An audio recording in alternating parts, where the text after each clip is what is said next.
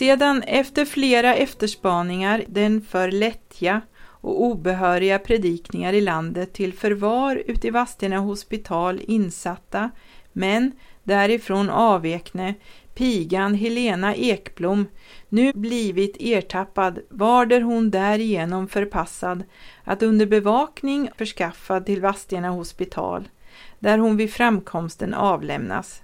Och åligger det sysslomannen Dahlström att låta hava en noga tillsyn på denna person så att hon icke vidare får tillfälle från hospitalet undankomma och med sina ihärdiga dårskaper väcka oreda bland den fåkunniga allmänheten. Linköpings landskansli den 22 augusti 1808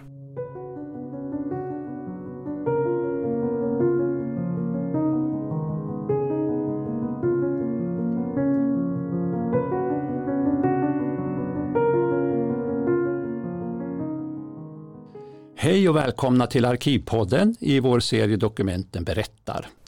Jag heter Jim Hedlund och idag har vi faktiskt en gäst från kulturens Mecka, nämligen Vadstena givetvis. Hjärtligt välkommen Anna Eklund Jonsson från Riksarkivet i Vadstena. Ja, men tack så mycket. Ja, och äntligen så är du här. Kan man säga så i dagen är att vi sänder ju detta på distans mellan Östersund och Vadstena? Ja, det kanske man kan. Även om vi befinner oss 66 mil ifrån varann så känns det ju som vi sitter bredvid varann. Ja, det är kul att få höra din goda stämma idag. Så då. Men nu ska vi prata lite allvar Anna. Vad, vad, var det för inledning som vi bjöds på? Det här lät ju faktiskt inte som det var ett nutida språkbruk direkt. Nej, inledningen var från ett dokument eh, som man kan säga fungerade både som fångförpassning för Helena Sofia Jakobsdotter Ekblom från fängelset på Linköpings slott till Vadstena hospital. Men det har också fungerat som intagningshandling till hospitalet. Mm. Och det återfinnes i en avskrift i en serie hos Sysslomannen i hospitalets arkiv. Det är alltså Birgittas sjukhusarkiv, sjukhusintendentens arkiv. Ah, mm. Så det är, ett, eh, det är en arkivhandling. Vi ska alltså, nu ska vi alltså, vad hette hon, Helena Sofia, vad sa du? Ekblom, ja, ja. eller Predikar-Lena som hon kallades. Ja, just Predikar-Lena. Ja, ähm, ja, varför kallas hon så? Ja, det gör hon, eller det kallar man henne eftersom hon gick omkring och predikade i sina hemtrakter i Gryts skärgård, även ner mot Kalmar län och längre upp i Östergötland. Ja, från tidig ålder så hade hon uppenbarelser som hon sen berättade om. Det är ju lite ovanligt. Ja, verkligen. Men hon såg alltså sådana här gudomliga företeelser som vanligt folk inte kunde se. Då. Jag menar, eh, vad säger man, Lena hon hade liksom den här gåvan, om man skulle väl många uttrycka det som. Va? Ja, hon hade gåvan och efter att hon hade haft en sån här uppenbarelse så gav hon sig ut och berättade om det här för folket. Och det var då hon gick omkring i en vit klänning. Och så samlade hon många människor i området där hon växte upp. Folk gick man ur huset för att höra henne berätta och, och predika. Och ofta predikade hon utomhus på ett litet berg och den inramningen måste ju ha varit eh, magiska stunder att uppleva för åhörarna. Ja, ja, ja. ja jag får ju lite inre bilder nu när du berättar om henne här. Ja, det kan jag tänka och man måste sätta sig in i den tiden för att förstå fenomenet. Man kan ju tänka sig att hon spred mycket hopp bland bygdens fattiga människor. Och så var hon vacker att se på också. Ja, ja, ja.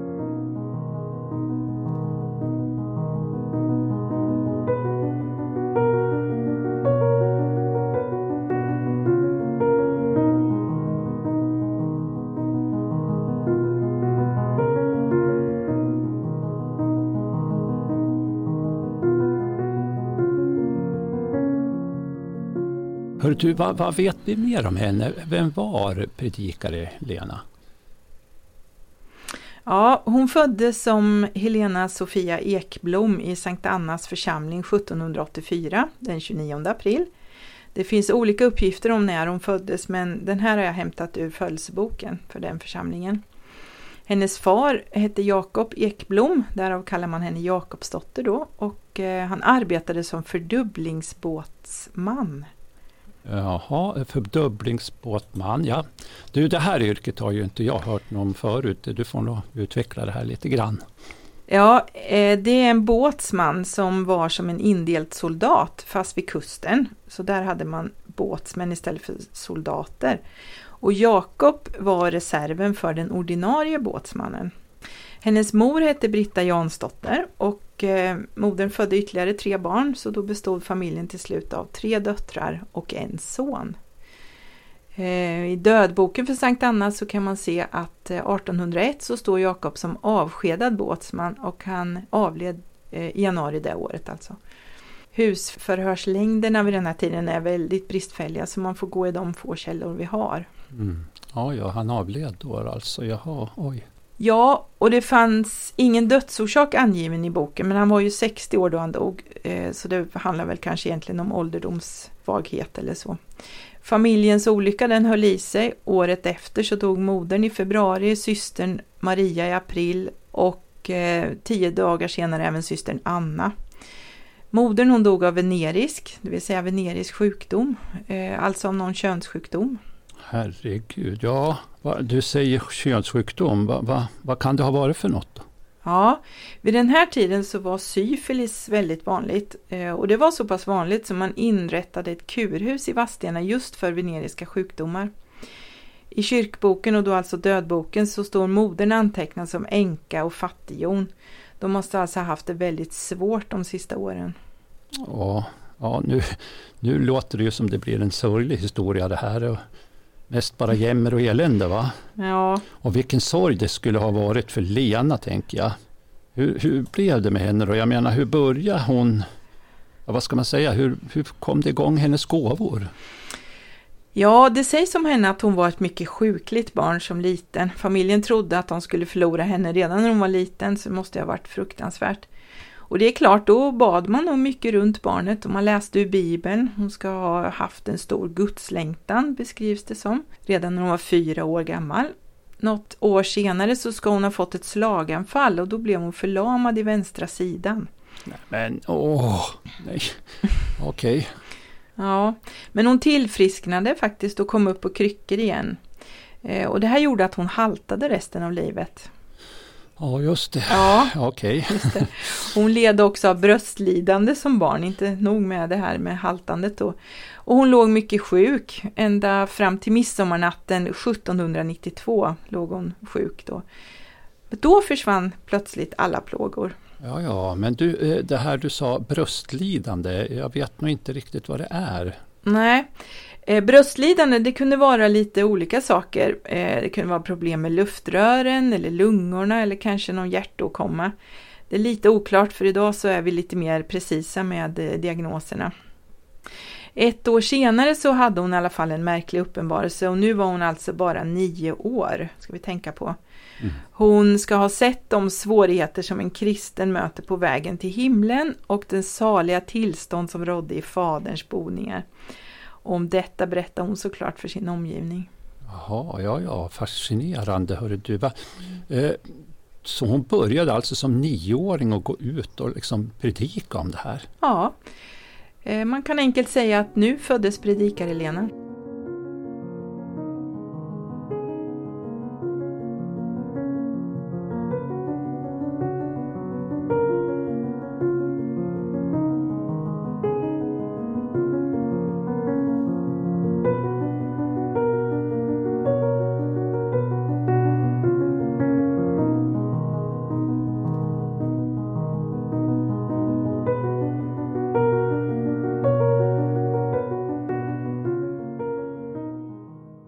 Men hur gick det här nu då? Det här är ju slutet på 1700-talet.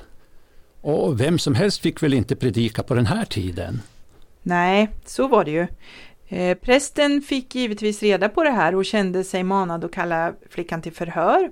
Så han förbjöd henne att tala trots att man inte kunde bestraffa henne för hon förkunnar ju trots allt en rätt lära. Det var de väldigt noga med att ta reda på. Mm. Men hon var som sagt tvungen att sluta med de här predikningarna. Det här kan man ju förstå eller, eller inte. Men, men, men vad hände sen? Eh, ja, hon blev äldre. I 13-årsåldern så lär hon ha ägnat sig åt lite världsligare förstörelser som man kan säga sådär som tonåringar gärna gör. Men så dog ju hennes far som vi vet då i januari 1801 mm. och då var hon 17 år. Och som jag nämnde tidigare, året efter dog även modern och två månader senare hennes systrar och nu var hon ensam i världen. Eh, hennes bror fanns inte heller med i bilden, han har arbetat på en gård långt borta. Eh, så att eh, de här dödsfallen i familjen måste ha tagit mycket hårt på henne. Och efter alla tragedier så bröt hon ihop helt enkelt. Och inte nog med det, hon blev sängliggande. Hon blev åter förlamad i vänstra sidan och miste sitt tal. Ja, men, oh, Orkar man verkligen höra mer av det här? Ja, lugn nu Jim.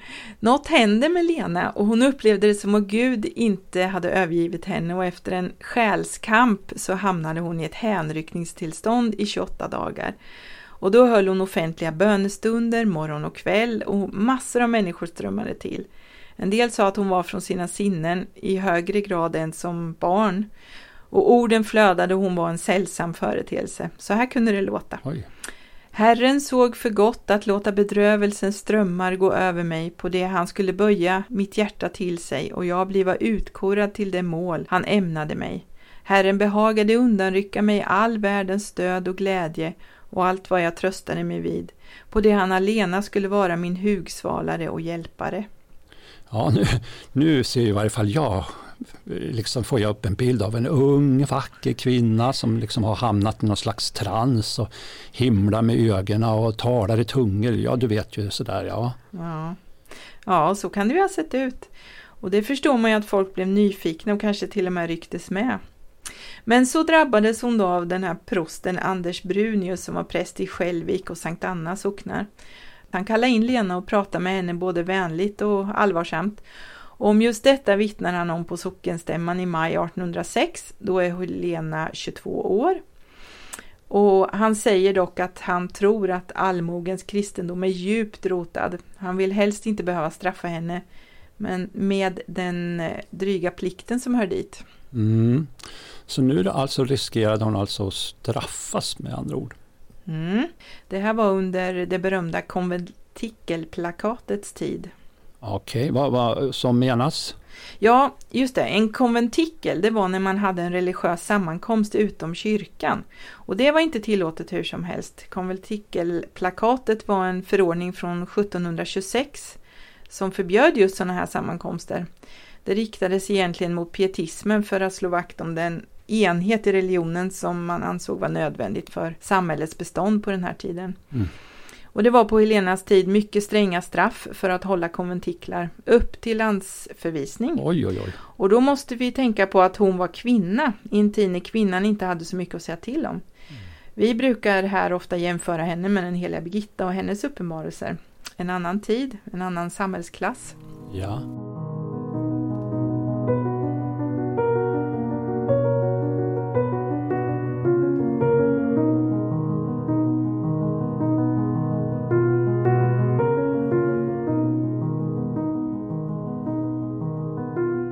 Ja, man klagade mycket på den här förordningen, alltså konventikelplakatet då. Eh, och det var en av de stora anledningarna bland annat till emigrationen lite senare. Men den upphävdes inte förrän 1858, alltså konventikelplakatet. Det var ju väldigt många som utvandrade på grund av sina sådana här frikyrkliga övertygelser. Ja, precis.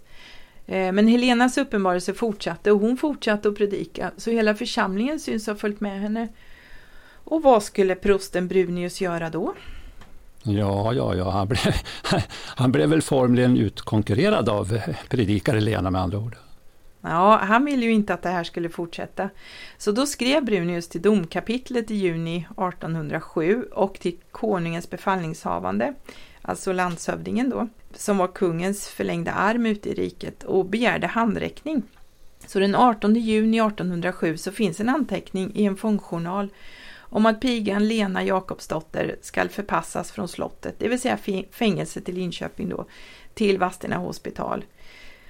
Och då hade man tidigare fängslat henne för kringstrykande. Mhm. Och kringstrykare har ju du Jim pratat om i ett annat poddprogram. Ja, ja, det har jag ju faktiskt.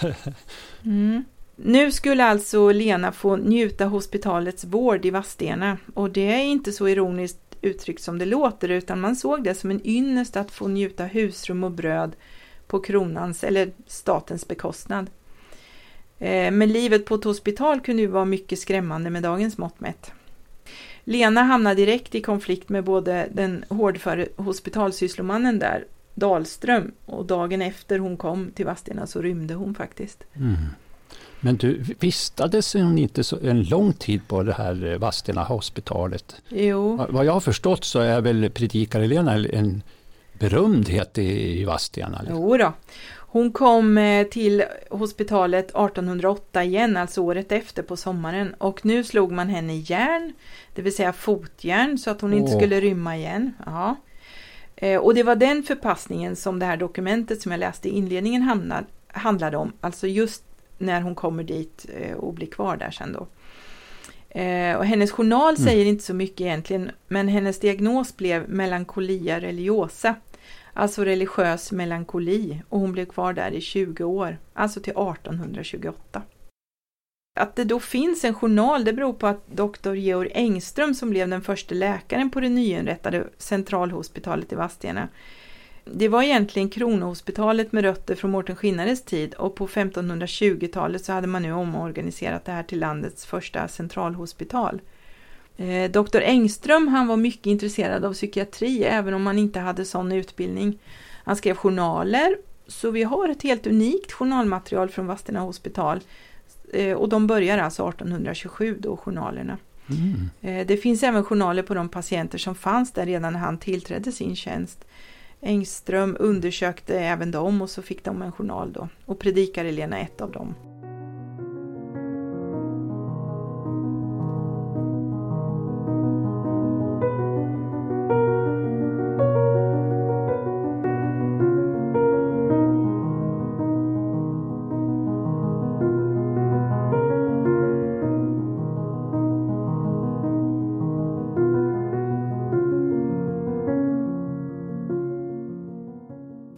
Helena har efterlämnat förhållandevis mycket anteckningar om hur hon hade det på hospitalet. Eh, bland annat så skrev hon till kungen och bad om att få bli fri.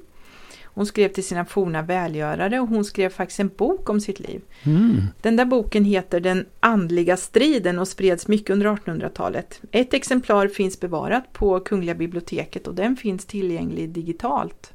Aha, Kungliga biblioteket, alltså det är digitalt, vad bra.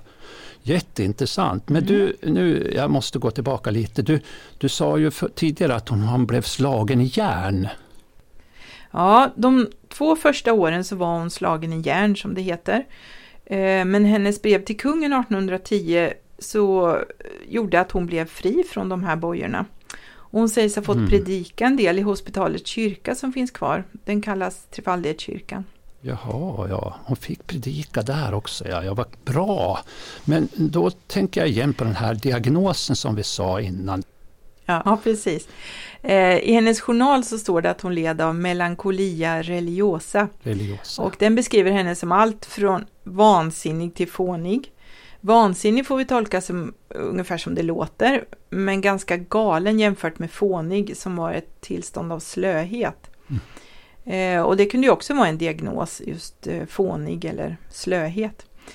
Eh, Engström menade att en sjukes kraft var svag och otillräcklig om man led av slöhet eller fånighet. Den med fixerad vansinnighet hade fått sin inre harmoni störd och eh, då hade all kraft koncentrerats till en enda föreställning eller fantasibild. Mm.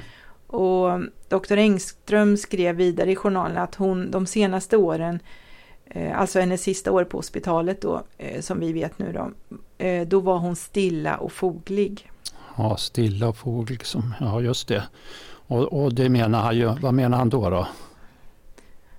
Ja, det betyder nog det vi tror, att hon Ja. stillade sig, lugnade Mm. sig och fogade sig i hospitalets regler.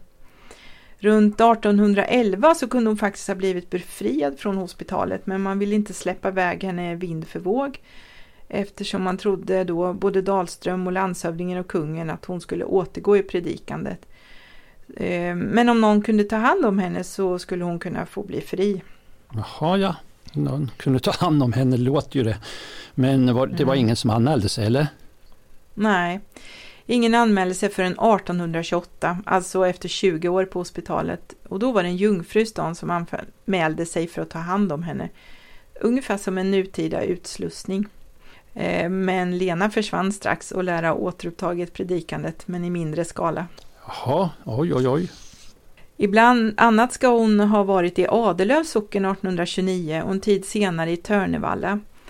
Och givetvis fick ju det här konsekvenser så hon fördes till Linköpings fängelse eh, 1831 bland annat men frigavs. Predikare-Lena fortsatte sitt liv. Hon lär ha dykt upp i Mjölby inbjuden av prosten för att predika. Och hon fortsatte även att ge sig ut på vägarna, omväxlande inbjuden att predika och omväxlande omhändertagen av polisen. Men hon slapp hospitalet i alla fall. Ja, just det.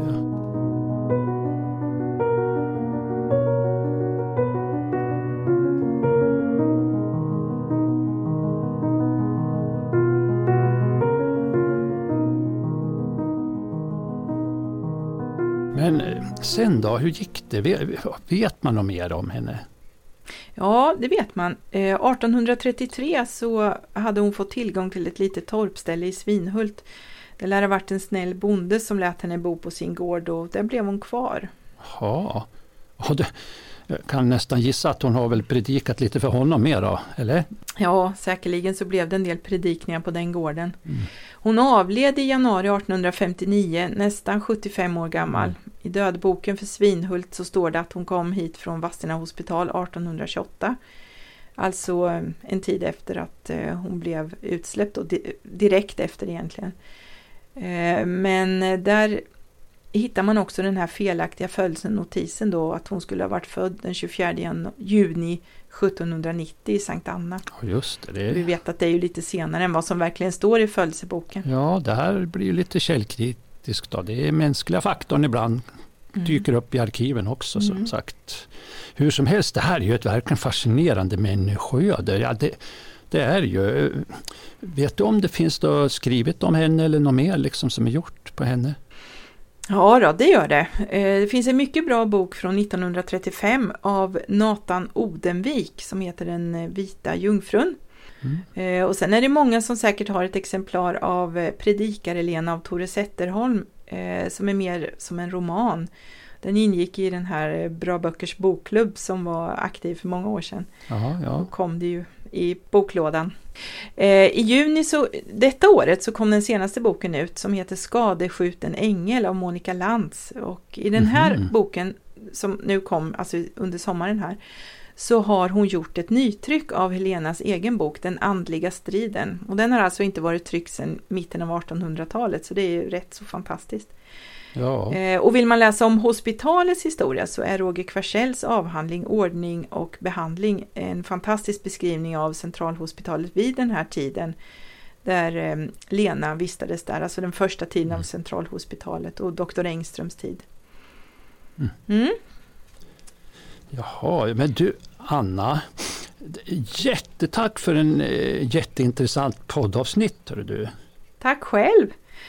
Och är man intresserad av handlingarna här så finns ju de här då på Riksarkivet i Vadstena. Ja, ja det är det bara att gå dit och leta och kanske fråga efter dig eh, Anna så, så kan du ta fram det här. Ja. Men vet du vad? Ja. Eh, jag har en liten fråga. Är det inte så här att hon kommer till liv ibland i Vadstena än idag? Jo, det är det ju. Eh, det är så att hon dyker upp på våra guidningar här i Vadstena. Vi gör ju guide på fritiden så då dramatiserar vi kring olika historiska personer och då är det jättespännande att lyfta fram just henne. Och inte sällan så jämför vi henne då med den andra kända kvinnan i stan som hade uppenbarelse. Mm. Jättespännande, hörru du. Ja, det är ju så här, kära lyssnare, kommer ni till Vadstena, och det ska ni för att det är, är faktiskt en jättefin liten stad med mycket mycket historia, mycket kult, spännande kulturhistoria är det ju absolut. Och eh, om ni, när ni väl är där så, så tycker jag ni ska hålla ögonen öppna för då kanske hon kommer där, predikar Elena, och går på gatorna där. Så är det ju. Så jag säger än en gång tack till Anna Eklund Jonsson och du är så välkommen att komma tillbaka. Du kan säga tack nu. tack så mycket. Och välkomna till Vadstena! Och tack alla som lyssnar och, och fortsätt följa oss. Det kommer snart mer intressanta poddar. Och i och med det här så säger vi klart slut från Arkivstudion i Östersund.